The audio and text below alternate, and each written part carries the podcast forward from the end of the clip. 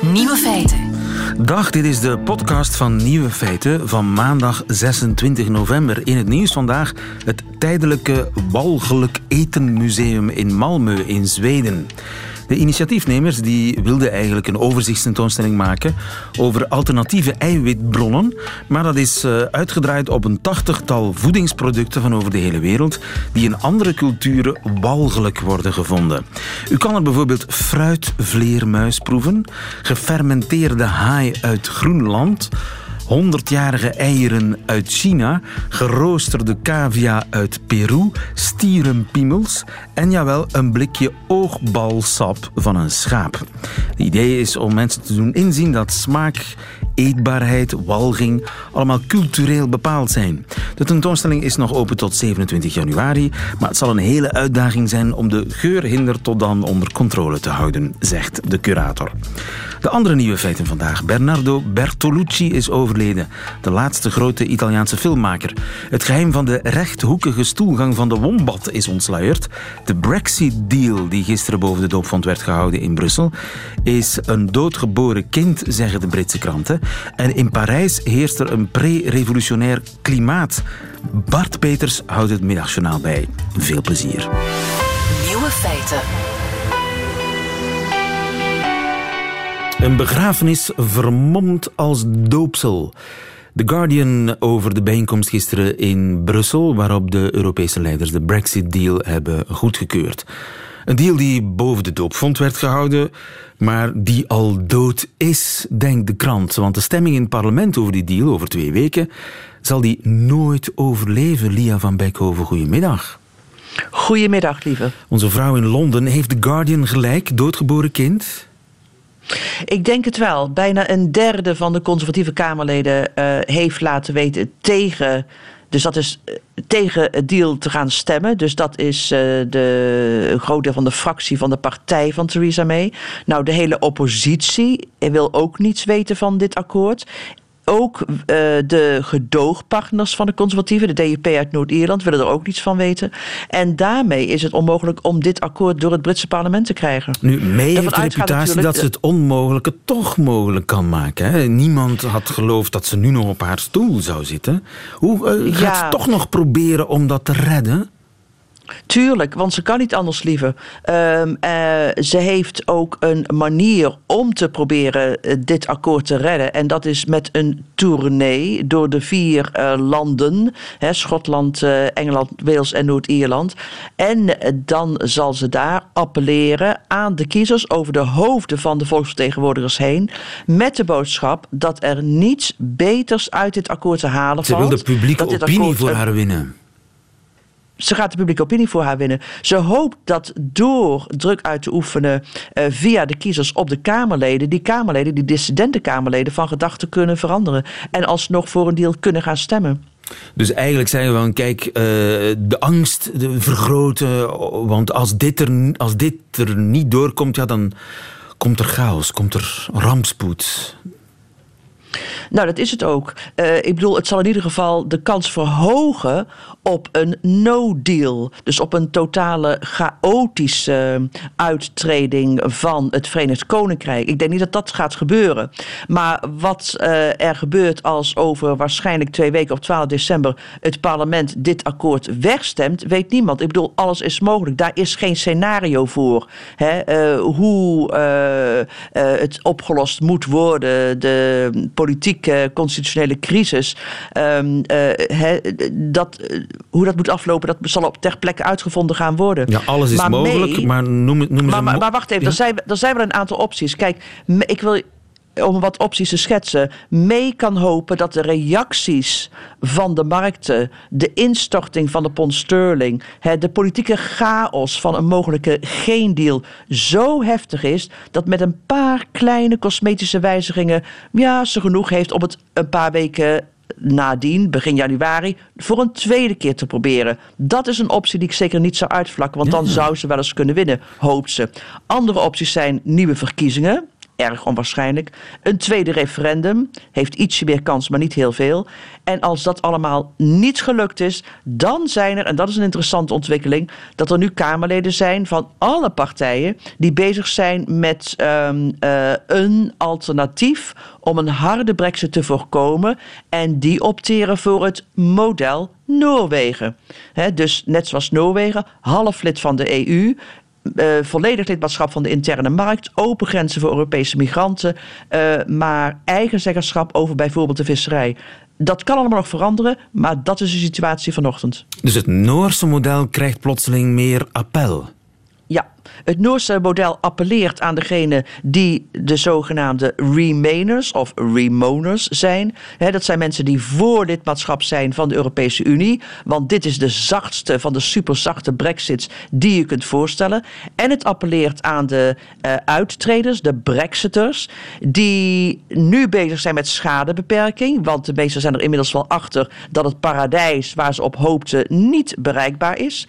Um, en die vinden Noorwegen interessant, want die zien het als een tijdelijke fase de, gedurende de welke ze een vrijhandelsakkoord met de Europese Unie kunnen sluiten, die misschien nog wel beter is wat hen betreft dan Noorwegen. Maar ja, dat betekent u dan ook opnieuw gaan onderhandelen met de Europese Unie. En ik hoor Jean-Claude Juncker gisteren zeggen: dit is de final deal. Het is deze deal of Absoluut. no deal.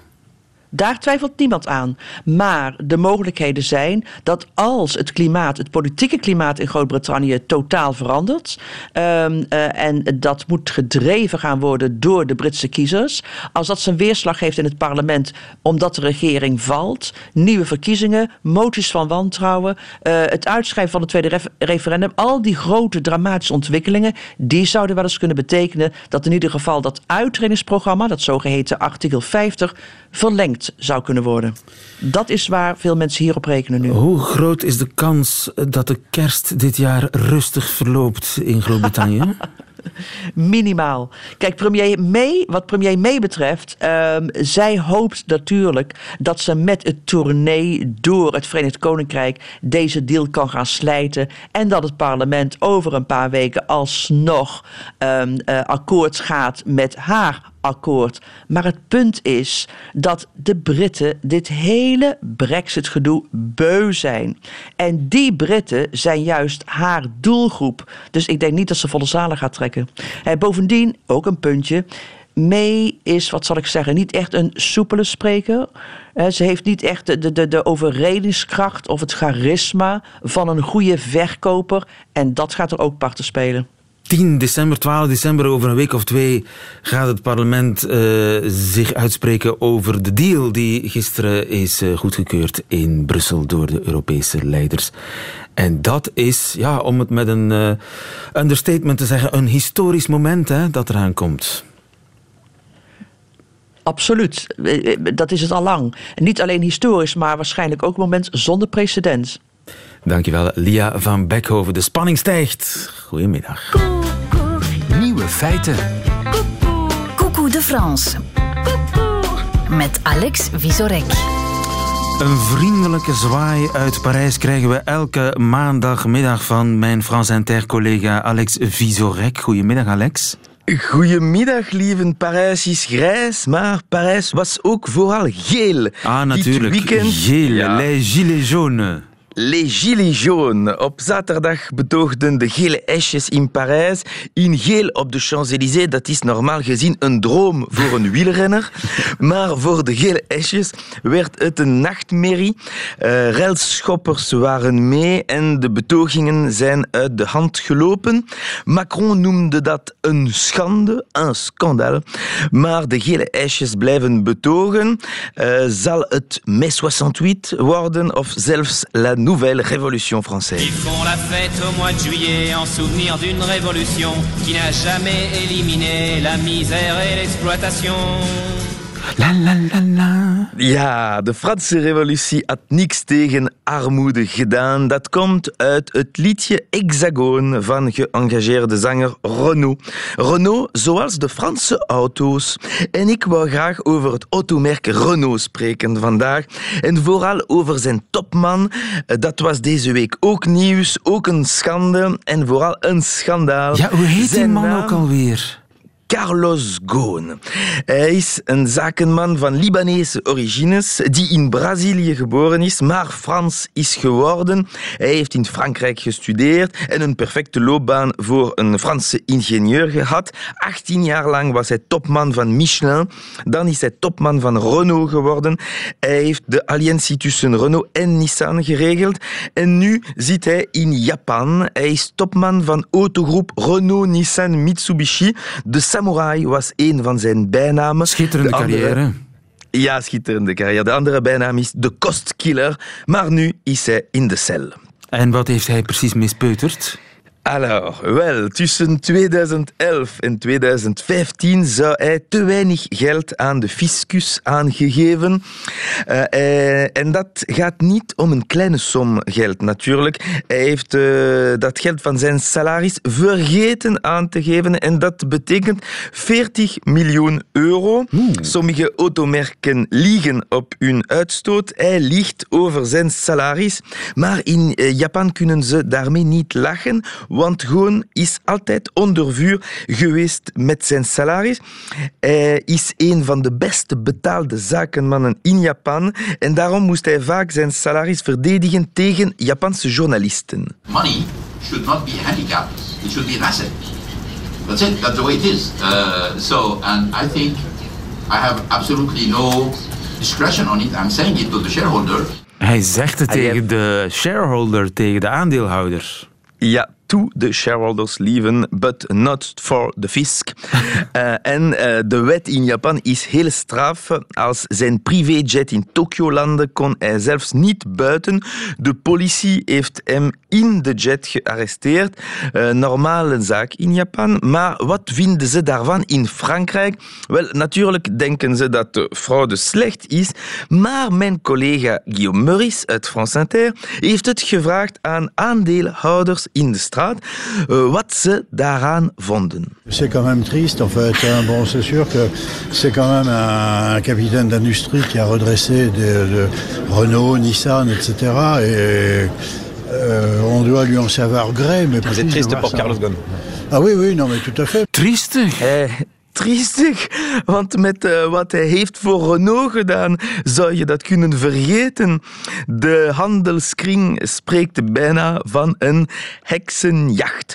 Uh, krant Le Figaro, die vooral politiek rechts is, spreekt over les dures conditions de détention du monstre sacré. Carlos Ghosn uh, zit nu in een gevangeniscel van maximum 7 vierkante meters, zoals elke gevangene in het gevangenis van Katsushika. Ik hoop dat het een goed pronunciation is. En uh, hebben de Japanners wel uh, eens nagedacht hoe slecht is dat voor de aantrekkelijkheid van Japan? Dat is de analyse van een buitenlandse bankier. Nieuwe talenten uit het buitenland zullen nooit meer in Japan willen komen werken als hun leven totaal kapot kan gaan. Deze bankier zegt in Le Figaro Comment vont-ils justifier qu'on peut arrêter ainsi un grand patron sur des charges infime. 40 miljoen fraude is dus iets infiem, iets minims. Zakenkrant Les Echos spreekt zelf over een complottheorie rond die zaak. Gon was al vroeger onder vuur in 2011 na een zaak van industriële spionage. Was hij de enige die zijn plaats kon redden. Een krant schreef tous coupables sauf Carlos Ghosn. En de toen minister Nadine Morano uh, moest daarop reageren op televisie. J'aime, j'aime pas Renault, tous coupables sauf Carlos Ghosn. Euh, j'aime Renault sur certaines chansons, euh, mais... Euh... Pas tous. Celle-là, je ne l'ai pas entendue, donc je ne peux pas vous dire si je l'aime ou pas. Ja, ze heeft zich vergist tussen Renault de zanger en Renault de automerk. Okay. En ken dat liedje van zanger Renault niet. En dat brengt ons terug naar, naar de gele esjes.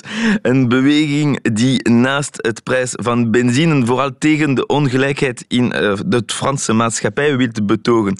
Mensen die meer tax op benzine moeten betalen en krijgen te oren dat het niet zo erg is om 40 miljoenen te verbergen als je een goede businessman bent. Olie is duur, maar het wordt perpetueel gegooid op het vuur. Ja, ja, Parijs. Grijs, maar ook geel deze dagen. Dankjewel, Alex Vizorek. Goedemiddag. Bedankt, tot volgende week. Radio 1. Nieuwe feiten. Novocento, Last Tango in Paris, The Last Emperor. Het zijn namen als klokken. En het zijn ook allemaal films van Bernardo Bertolucci, de allerlaatste Italiaanse grootmeester van de film, die op 77-jarige leeftijd is overleden. Lieven Trio, goedemiddag. Dag Lieven van der Houten, ook een namens een klok. Je brengt me al in verlegenheid en je bent nauwelijks begonnen, Lieven. Onze filmkenner ben jij. Ja. Eh, eh, heb ik gelijk? Is hij echt de allerlaatste grote Italiaanse filmmaker?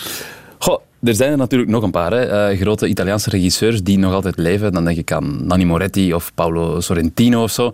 Maar het is wel waar dat eh, Bernardo Bertolucci deel uitmaakte van een soort van gouden generatie van, van Italiaanse film- filmmakers. Ik begin al in het Engels terwijl het over Italië gaat. Filmmakers die eh, ja, in de jaren 60 begonnen zijn allemaal en die heel erg geïnspireerd waren door de, de Nouvelle Vague uit Frankrijk. Dus dat waren Godard, Truffaut enzovoort. Hè, dat was de Nouvelle Vague. En dus die inspireerden dan een aantal Italianen, waaronder Fellini, Pasolini, Antonioni enzovoort. En dus ook Bernardo Bertolucci. En ja, hij is dus eh, toch wel de laatste overlevende van die generatie, want de anderen zijn al een hele tijd dood. En als je hem naast Fellini, Pasolini, et cetera zet, eh, wat maakt hem dan bijzonder? Ehm, goh, ja, er zijn een aantal dingen die hij natuurlijk ge- gemeen heeft met die, met die andere eh, grote jongens. Bijvoorbeeld, hij, hield- hij hield erg- heel erg van poëzie. en dat zag je ook aan zijn films. Hè. Er zaten ja, bijna literaire stijlfiguren en, en literaire thema's in.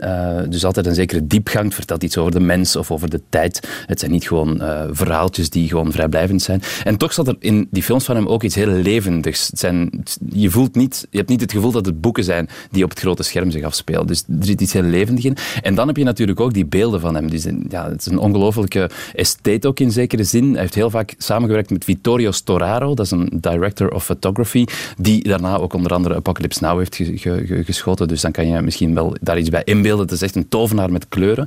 En eh, dus onder andere zijn Last Tango in Paris is een van de vele samenwerkingen met Storaro. En ja, misschien zie je die beelden wel voor je. hè. Dat is een soort van gelig-oranje tint waarin heel die film eh, baat. En dat geeft het gevoel dat je in een soort van baarmoeder zit. Dat is het gevoel dat dat moest opwekken. Dus ik wil maar zeggen, die, die beelden hangen ook samen met de inhoud en met, met de, ja, de, de psychologische elementen die hij wilt meegeven. Een film van 46 jaar oud, in 1972, maar recent nog in opspraak geraakt. Ja, inderdaad. Ehm, dat heeft natuurlijk te maken met... eh, het was eigenlijk een soort van MeToo-affaire avant la lettre. Dus voor de MeToo-affaire was losgebarsten. Ehm, het ging allemaal om een stuk boter. Ehm, dat heeft hij ook eh, zelf toegegeven, eh, de Bernardo Bertolucci zelf. He says, go get the butter. She knew that he was in a way raping her. But she didn't know about that butter because I didn't, I wanted her reaction as Maria, not as the, act, uh, the character of the film. Again, to steal from the actors things. So that's why she was upset. Ja, ze was kwaad, mevrouw Schneider. Voilà, Maria Schneider is dat, hè, Want eh, hij heeft haar reactie gestolen. Hij wou haar echte reactie, niet haar reactie als eh, actrice. Ja. Eh, wat was dat met die boter? Dus eh, in Last Tango in Paris heb je eigenlijk Marlon Brando en Maria Schneider die, eh, laten we zeggen, heel de tijd samen in dat appartement daar zitten in Parijs.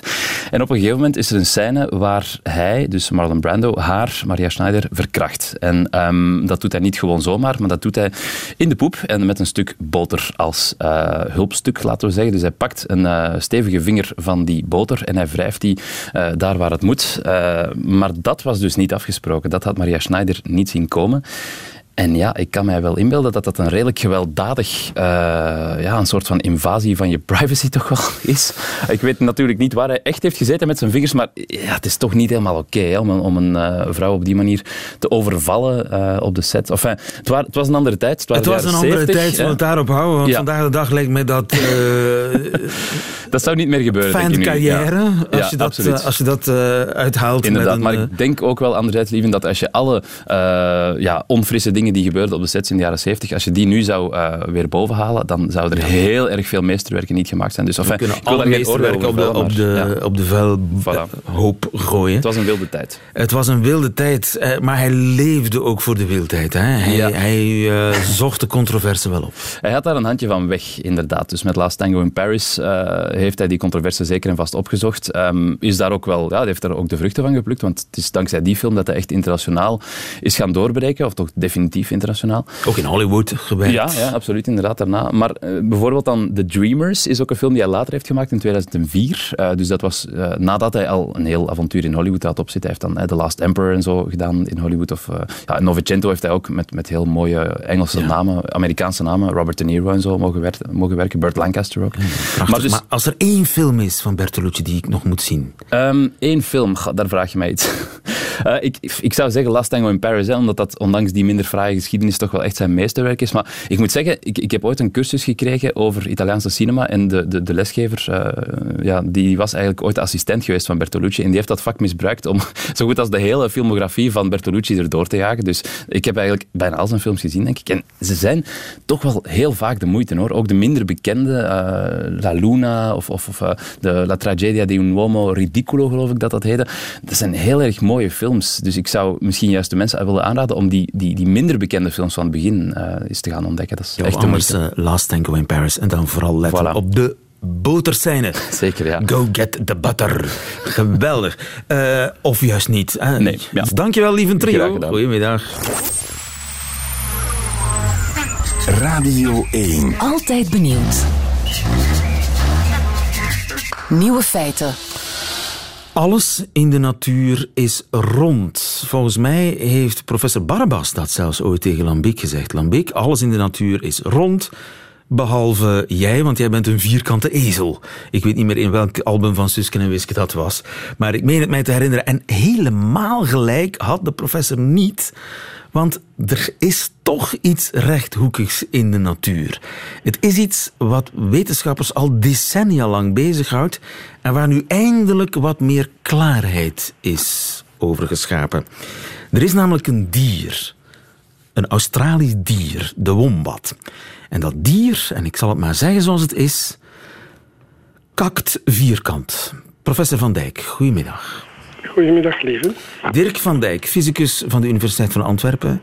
Natuurkundigen van alle slag die uh, hebben zich op een congres in Amerika gebogen over de ja, merkwaardige kubusjes die de wombat produceert. Is dat werkelijk zo tegennatuurlijk? Ja, en dat congres is niet minste. Hè. Dat is het congres van de American Physical Society. En dat ging over de, de dat we zeggen het, uh, vooral over vloeistofdynamica. En ja, eerst dacht ik, allee, lieve komt weer met een onderwerp. maar potverdorie, ik heb het bekeken. Het is ah, zeer interessant, ook voor fysici. Uh, vooral omdat, omdat men het niet begrijpt. Hè. Als je iets niet begrijpt, dan doe je wat men noemt als serendipiteit. Men merkt iets op dat, dat buiten toon valt. En als, dan is echt de hardnekkigheid om dat proberen te begrijpen heel belangrijk. Dus op die manier is ook elektriciteit ontdekt met een kikkerpoot en dergelijke. Dus, ja. dus serendipiteit. En dan is het zo, die wombat, inderdaad, die, dat is een Tasmaans buideldier. Merkwaardig, die heeft een buidel naar achter, omdat, omdat het, hij kruipt gelijk een mol en anders zou een buidel direct vol zand zitten. Ah ja, de buidel zit omgekeerd. Hij, zit het omgekeerd, is zoals een kangoeroe, maar dan omgekeerd, want ja, hij graaft tunnels en anders zou die buidel vol zand zitten. Absoluut, Slim. absoluut, ja. En ten tweede, gelijk aan Molly, is hij bijna blind. Hè? Dus hij communiceert met, vooral met, met, met geur. Ja.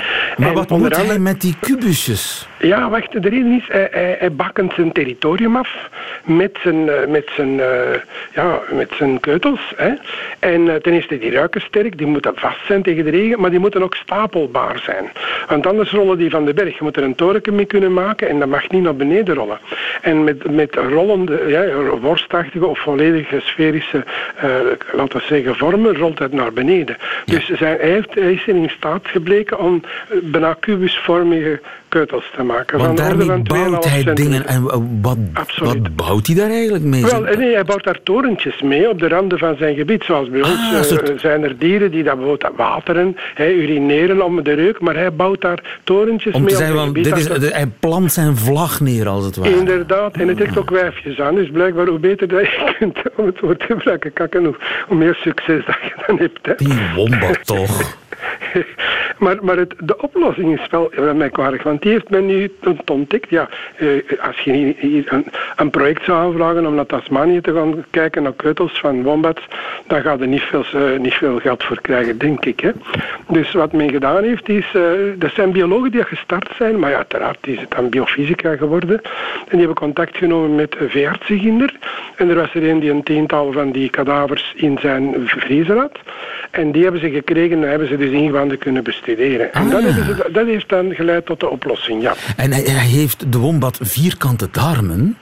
Eh, wel, je zou eerst denken of ergens een diafragma dat vierkant, maar vierkant in de natuur komt dit bijna niet voor. Dus wat is er gebeurd? Die darmen, dus in het begin zijn, zijn die, eh, ja, die, die excrementen die zijn vloeibaar, hè, die, zijn bolvormig. Maar hoe verder dat je in de darm komt, eh, dan heb je, de darm bestaat dan uit spieren, maar de, boven, de spieren aan boven- en onderkant hebben een andere elasticiteit dan die aan de zijkanten. Dus het is, komt er niet volledig ronduit, maar een beetje rechthoekiger. Hè? Dus in één richting rekt het gemakkelijker uit dan in de ander. En dat herhaalt zich. Dus dan wordt het afgeknepen met een soort van kringspier. Hè? Dat hebben wij ook. En om de 2,5 centimeter is er ook een kringspier. Dus je krijgt, hoe verder dat, dat die, hè, die uitwerpsel door die darm komen, hoe meer dat dat een paternoster wordt. Met kleine gebiedjes. En die worden telkens harder en harder. Logisch, want het dier leeft ook ja, in een weinig waterige omgeving, vermoed ik. En dan eh, worden die harder en harder, maar ook stel, meer en meer kubusvormig. Tot ze dan uiteindelijk eh, eruit komen. Ja, ja. Maar dus in die darm zitten spieren en die duwen als het ware die, die, die worst Ja. in een balk. Zo is het, zo is het. Het is een beetje gelijk, je zou kunnen zeggen, we maken een rechthoekige eh, opening, maar dat, dat kan de natuur niet. Maar ze maken wel een darm waar dan de spieren aan onder- en bovenkant lichtjes andere eh, elasticiteit, rekbaarheid hebben dan aan de zijkanten. Dus verticaal rekt dan wat minder dan horizontaal en dan krijg je een rechthoek. Als je het in de andere richting doet, dan, dan wordt het stilaan meer, als je dat opvolgt, meer en meer vierkantig. En dan natuurlijk in de lengte moet het af en toe afknijpen. Dat is een heel ander mechanisme. Hè? Dus normaal gezien, als je het zou daarbij houden, dan wordt het een heel langwerpige hè, eh, keutel, maar met een rechthoekige of vierkante doorsnede. Maar het moet ook nog afgeknipt worden. Ja. En daar zitten dan kringspieren. Om de, zal zeggen, drie centimeter zit een kringspier. ja, ik be- ik begrijp het helemaal, maar eh, hebben wij nu iets ontdekt aan de wombat dat we zelf nog niet wisten in verband met het produceren van kubusjes? Ja, ja, tuurlijk. Hè. Dit is een totaal nieuw systeem om kubus te produceren. Hè. Hoe doen wij het? We slijpen het bijvoorbeeld. Of in de, in de natuur, kristallen groeien ook wel kubus. Maar in de biologie komen kubische vormen niet voor. Dus eh, dit is een manier om... Ja, nu zo vraagt je mij de klassieke vraag, wat is het nut? en het nut hier is het begrijpen en dan het nadenken nadien over hoe je het gaat gebruiken. Ik kan me inbeelden dat je dus eh, ook, ook met soortgelijke eh, systemen, maar een verschil in de elasticiteit boven- en onderkant, en dan regelmatig afknijpen, dat je een systeem kunt ontwerpen dat ook kubussen oplevert. O- Of dat het dan beter is dan de andere systemen die wij hebben. Eh, wij, wij kunnen natuurlijk in, metaal dingen maken die men in de natuur niet zomaar kan maken. Dus, eh, maar maar eh, waarschijnlijk zal men hardop nadenken hoe men dat dan toch kan gebruiken. Ja, ja, de wombat leert ons kubussen maken op de wombat-manier. Dankjewel, professor Van Dijk in Antwerpen voor ons. Goedemiddag. Nieuwe feiten. Middagjournaal. Ik heb een probleempje. Mijn existentiële hulplijn werkt niet meer. Ik besef dat het onnozel is, maar vroeger dacht ik bij elk dilemma: hoe zou Prins dat doen?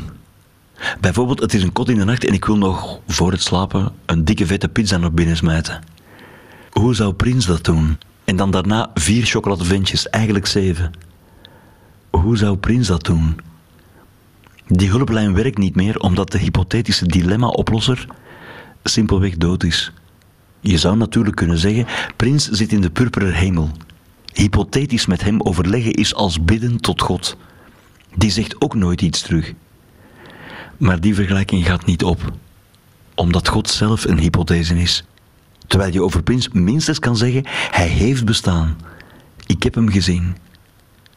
Het dilemma dat ik Prins deze week had willen voorleggen klinkt nogal plattekes. Dat besef ik ook. Het luidt als... ehm, zeg Prins, ik word vrijdag 59 jaar. Wat moet ik doen, Jan? Mezelf wat afbouwen? Of er nog een lap op geven?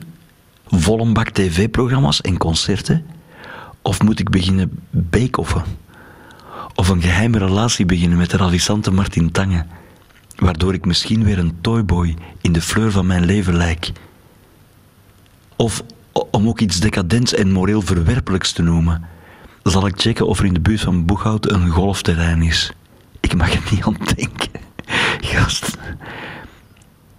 Wat denk jij, Prins?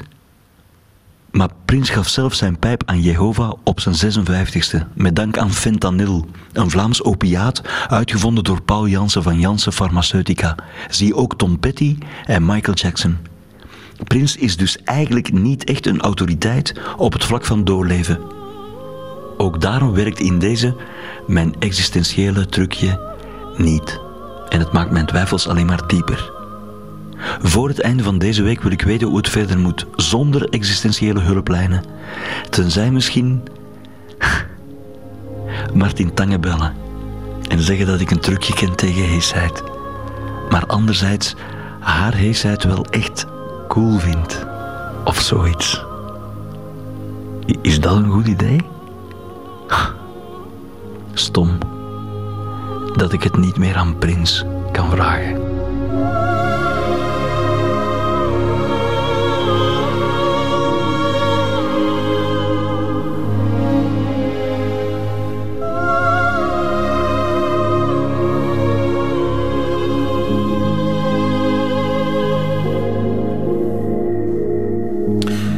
Middagjournaal met Bart Peters. Meteen het einde van deze podcast. Maar u vindt er nog veel meer op radio1.be. En op alle mogelijke podcastkanalen. Tot volgende keer.